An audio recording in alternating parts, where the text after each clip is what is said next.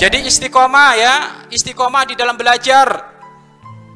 Jangan sedikit pun goib, bahkan andekan sakit, kalau sakitnya sakit ringan saja masa sakit jerawat nggak masuk kelas, sakit panu nggak masuk ke, cel, apa kelas, sakit gatel-gatel nggak masuk kelas, lu yang gatel mananya coba? Nggak masuk kelas kan nggak nyambung ini, rumah makul. Padahal orang-orang dulu, Masya Allah, Imam Abdullah Al-Haddad, Imam Abdullah, memang kita bukan kelasnya beliau. Tapi setidaknya cerita ini diceritakan biar kita itu nggak manja jadi orang itu. Imam Abdullah Al-Haddad punya santri. Imam Abdullah Al-Haddad punya santri, santrinya itu keentuk kala jengking. Keentuk kala jengking. Oh yang namanya keentuk kala jengking sakit. Tahu, pernah tahu rasanya dientuk kala jengking?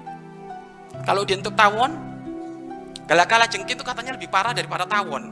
Kala jengking itu dientup kepala jengking teriak-teriak itu santrinya ya Allah sakit ya Allah sakit ya Allah.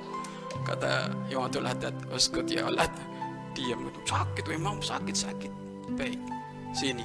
Tiba-tiba tangannya tangannya santrinya tadi itu dipegang ditaruh di dadanya Imam Abdullah Haddad dimasukkan ke bajunya taruh dadanya gitu.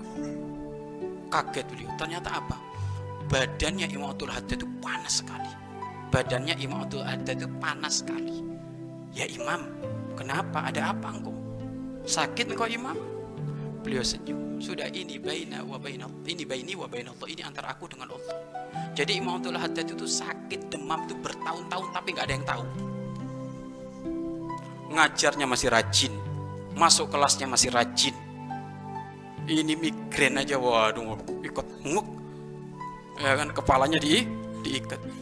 Istighfar, alafu, migrain masdu masdu asoba di sudah Hah? beda gitu. Abdul Haddad sakit masih ngajar. Hah? nah ini. Memang memang ya udur udur. Orang sakit udur syariat. Tapi ada sebagian orang itu melampaui batas kemuliaan